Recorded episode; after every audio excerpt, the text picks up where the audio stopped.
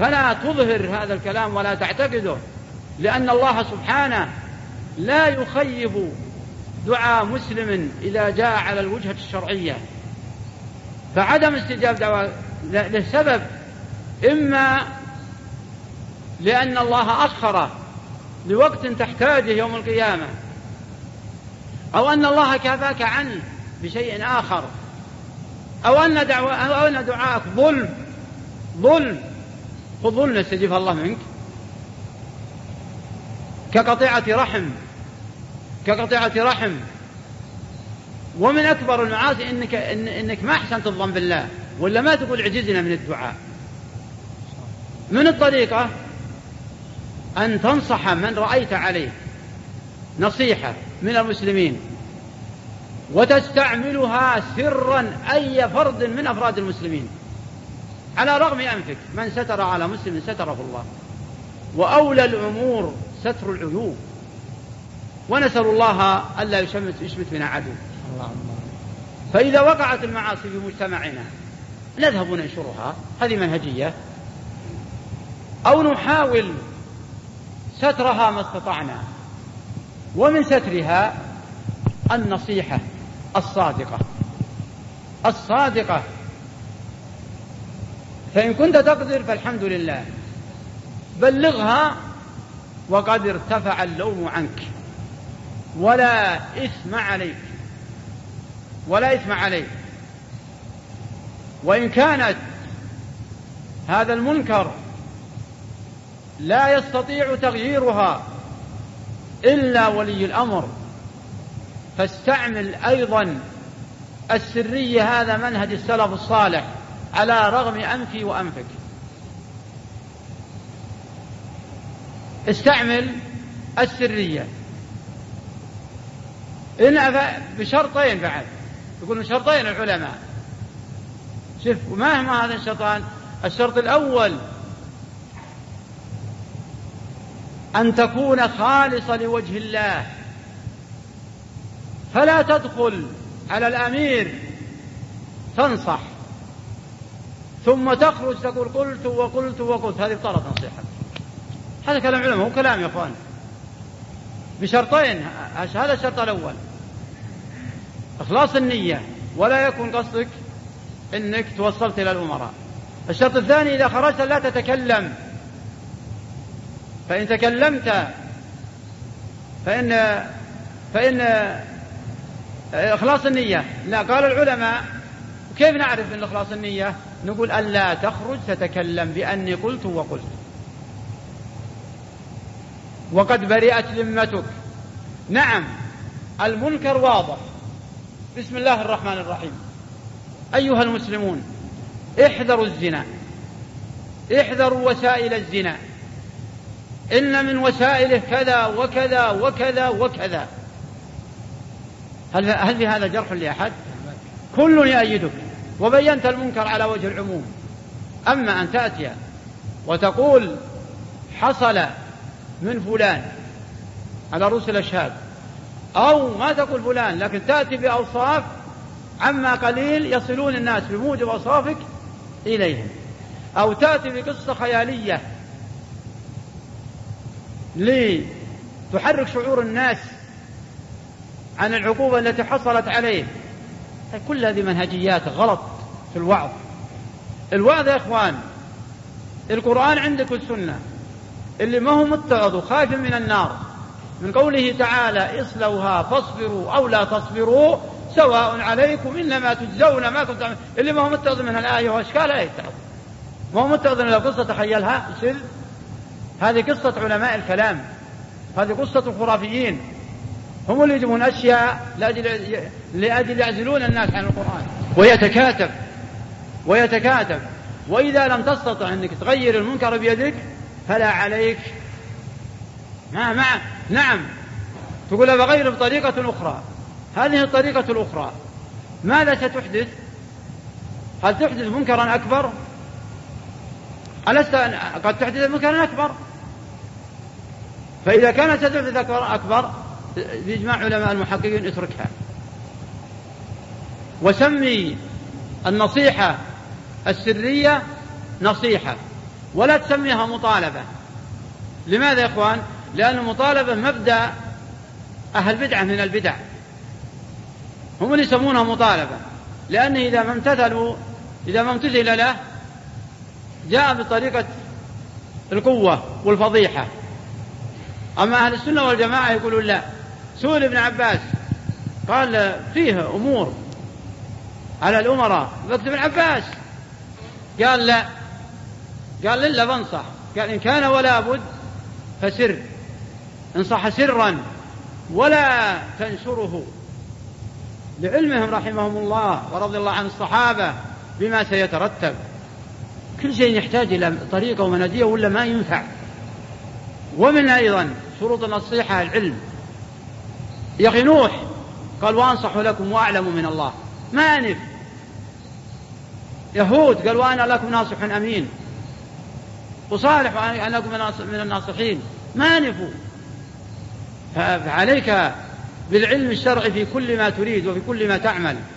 ولا تسخط وتغضب إذا لم يمتثل. إذا لم يمتثل أمرك لأن مسؤوليتك انتهت. فنسأل الله سبحانه وتعالى أن يثبت الجميع على قوله الثابت وأن يبصرنا بما ينفعنا وأن نرضى بما رضي به لنا رسول الله صلى الله عليه وسلم في قوله. آه، وأكد على من حفظه أن يتفهم هذا الحديث الآتي ويقرأ الكلام عليه في مسائل الجاهلية للألوسي والذي ما حفظه أحب وأوكد عليه أن يحفظه. وهو حديث صحيح متفق عليه. قال عليه الصلاة والسلام إن الله يرضى لكم ثلاث. أن تعبدوه ولا تشركوا به شيئا هذه واحدة. وأن تناصحوا من ولاه الله أمركم. وأن تجتمعوا ولا تتفرقوا. فما أعظمها من ثلاث. كلها مظهر قوة للمسلمين والاجتماع المسلمين.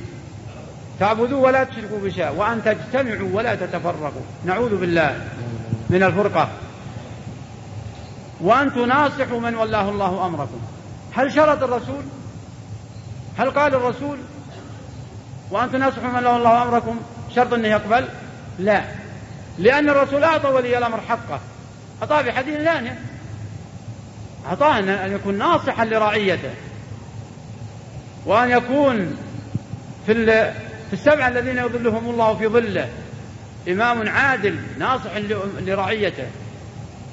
إذا عدل برعيته أعطاه الرسول حقه لكن الرسول هنا أخبرنا بما يجب علينا نحن. فمعناه إذا أديت ما وجب عليك هل هو ملزوم أن تلزم المقابل بأن يجيب ما أديته؟ لا يا أخوان إنما عليهم ما حمل نعم. وكما قال الشيخ عليه فإن عليه ما حمل عليهم ما حملوا وعليكم ما حملتم وعليكم ما حملتم. وأنصح أن تقرأوا في هذا الموضوع لأن الحقيقة مسألة الاجتماع وكراهية الافتراق وكراهية الافتراق كون الرسول يحب الاجتماع ويكره الافتراق الكلام عليه يحتاج محاضرة طويلة. أبدا. يطلبونها الأخوان من أحد الإخوة ويتكلم عليها. وإن أرادوها مني فنسأل الله سبحانه وتعالى أن يعين الجميع ويسدد خطى الجميع. لكن نصيحة للي بيقرأ عاجل. هذا علوم جامع علوم الحكم ابن رجب. على حديث الدين النصيحة. السابع. والحديث الثامن والعشرين. أوصيكم بتقوى الله وإن تأمر عليكم عبد حبشي. كلام رحمة الله عليه على هذين الحديثين كلام عظيم. مع كلام شروح البخاري ومسلم وكلام علماء السلف العقيدة مثل شرح الطحوية في ما يجب عقيدة السنة والجماعة نحو ولاة الأمور. يجب أن نقرأها يا إخوان يجب وجوبا. ترى من أول إلى حد قريب ولله الحمد المملكة ماشية. ما في لكن لما أن انفتحت علينا الدنيا من هنا ومن هنا وجب أن نقرأ رجل نتحرز نتحرز هذا شرح آه، عقيدة السنة والجماعة نحو طاعة ولي الأمر في طاعة الله اللي هو شرح الطحوية. وكل العقائد مذكورة فيها. في جامع الأصول جمع الأحاديث كلها تسهل على أي واحد يريد يحفظها. في كتاب الخلافة في الفصل الثالث الظاهر ثمان أبواب أو الفصل الخامس أو الفصل الخامس والعلم لا يعدله لا يعدله شيء ونسأل الله سبحانه وتعالى أن يوفق الجميع لما يحب ويرضاه وصلى الله وسلم على نبينا محمد وعلى أصحابه أجمعين. اللهم صل على محمد وعلى آله وصحبه أجمعين. إذا كان بإمكان الشيخ جزاه الله خير بعض أسئلة فيما بقي قبل الإقامة وإننا نسأل الله الكريم أن يكتب خطواته ذهابا وإيابا وينفعنا بما سمعنا. السؤال الأول. لكن بشرط نعم. الأول أني أني إذا كنت أعرفها بجاوب إذا كنت ما أعرفها ما يخالف السؤال عليك كنت معرفة جزاك الله خير. هذه واحدة. الثانية ما عندي مانع ولا عندك قبل الصلاة أو بعد الصلاة. إذا ارتاحوا من إجابة الأسئلة. أنا مرتاح. ما عندي مانع. الله الله يسدد خطى الجميع. هذا اللي الحمد لله رب العالمين. صلى الله على محمد. السؤال الأول فضيلة الشيخ السلام عليكم ورحمة الله وبركاته. وبعد إذا علمت آية من كتاب الله أو حديث لرسول الله صلى الله عليه وسلم هل أدعو إليهما أم أنتظر حتى أسمى عالما؟ أه حفظهما. وشل من ذهنك ادعو قل تعال نحفظ. وباتفاق أنك مأجور إن شاء الله إذا صح نيك ولا عليك. فقولة أدعو غير قولة أعلم فإذا حفظت آية افخذ زميلك وقل تعال نحفظ هذه الآية. تعال نحفظ جزء عامة بكرة نكبر ونصير أئمة ما نعرف نقرأ المفصل. بس واحفظ القرآن. حفظت حديث خمسين أربعين نووية اللي ألفها العلماء. شوفوا يا أخوان كان العلماء عندهم منهجية. يألفون أحاديث لأجل يحفظها يحفظونها الصغار قبل العلم. الشيخ محمد بن إبراهيم يمكن أغلبنا مدركة واللي مدركة يسمع به. ما يخلي أنا واحد منهم. قلت له بقرأ في البلوغ. قال اقر قبل الأربعين نووية. اقر الأربعين نووية. فإذا حفظت الأربعين نووية روح حفظها أمك وأبوك وأختك وأخوك وأي واحد حفظها لابنته تدخل في المعاني وتدخل في التفاصيل وتدخل في هذه خلها قل بعدين إذا تعلمنا. بعدين إذا تعلمنا. إذا قل أنا أدعوكم للحفظ. لكن تبي تصف نفسك أو أنا أصف نفسي الله يتوب علي وعليكم أخوانا المسلمين. إني داعية. داعية. الداعية عام. يشمل إنك داعية للحفظ وداعية للفهم وداعية للمعاني. جاك واحد استقعك بحكم. ما موقفك. تورط نفسك أو يحملك الشيطان وتتجرأ. الرسول عليه الصلاة والسلام قال بلغوا عني ولو آية. هذه أيضا يحتجبها بس أخونا ما احتجبها لكن أنا أجيبه لأن سئلت عن أكثر مرة. اسمع يا أخانا أنت لك حجة أيضا بلغوا عني ولا أقول نعم بلغوا ولو آية. يشمل ما إذا عرفت المعاني ودرست وأتقنتها ويشمل تبليغ الآية حفظا والحديث حفظا. بلغ الحفظ جزاك الله خير وأدركت أنت المطاوعة أدركوها بعض إخواننا الحاضرين. الكتاتيب اللي في المدرسة يحفظون القرآن فقط. ما عهد منهم أن يروحون يتخبطون ويحكمون ويصرمون على الخاص والعام وهذا مخطي. ويزعل هذا على هذا. ويضرب الناس بعضهم ببعض. يوم نحفظ له آية وسمى نفسه داعية الخلاصة. حفظ الآية والحديث ولا تدخل نفسك في الأمور الأخرى. نعم.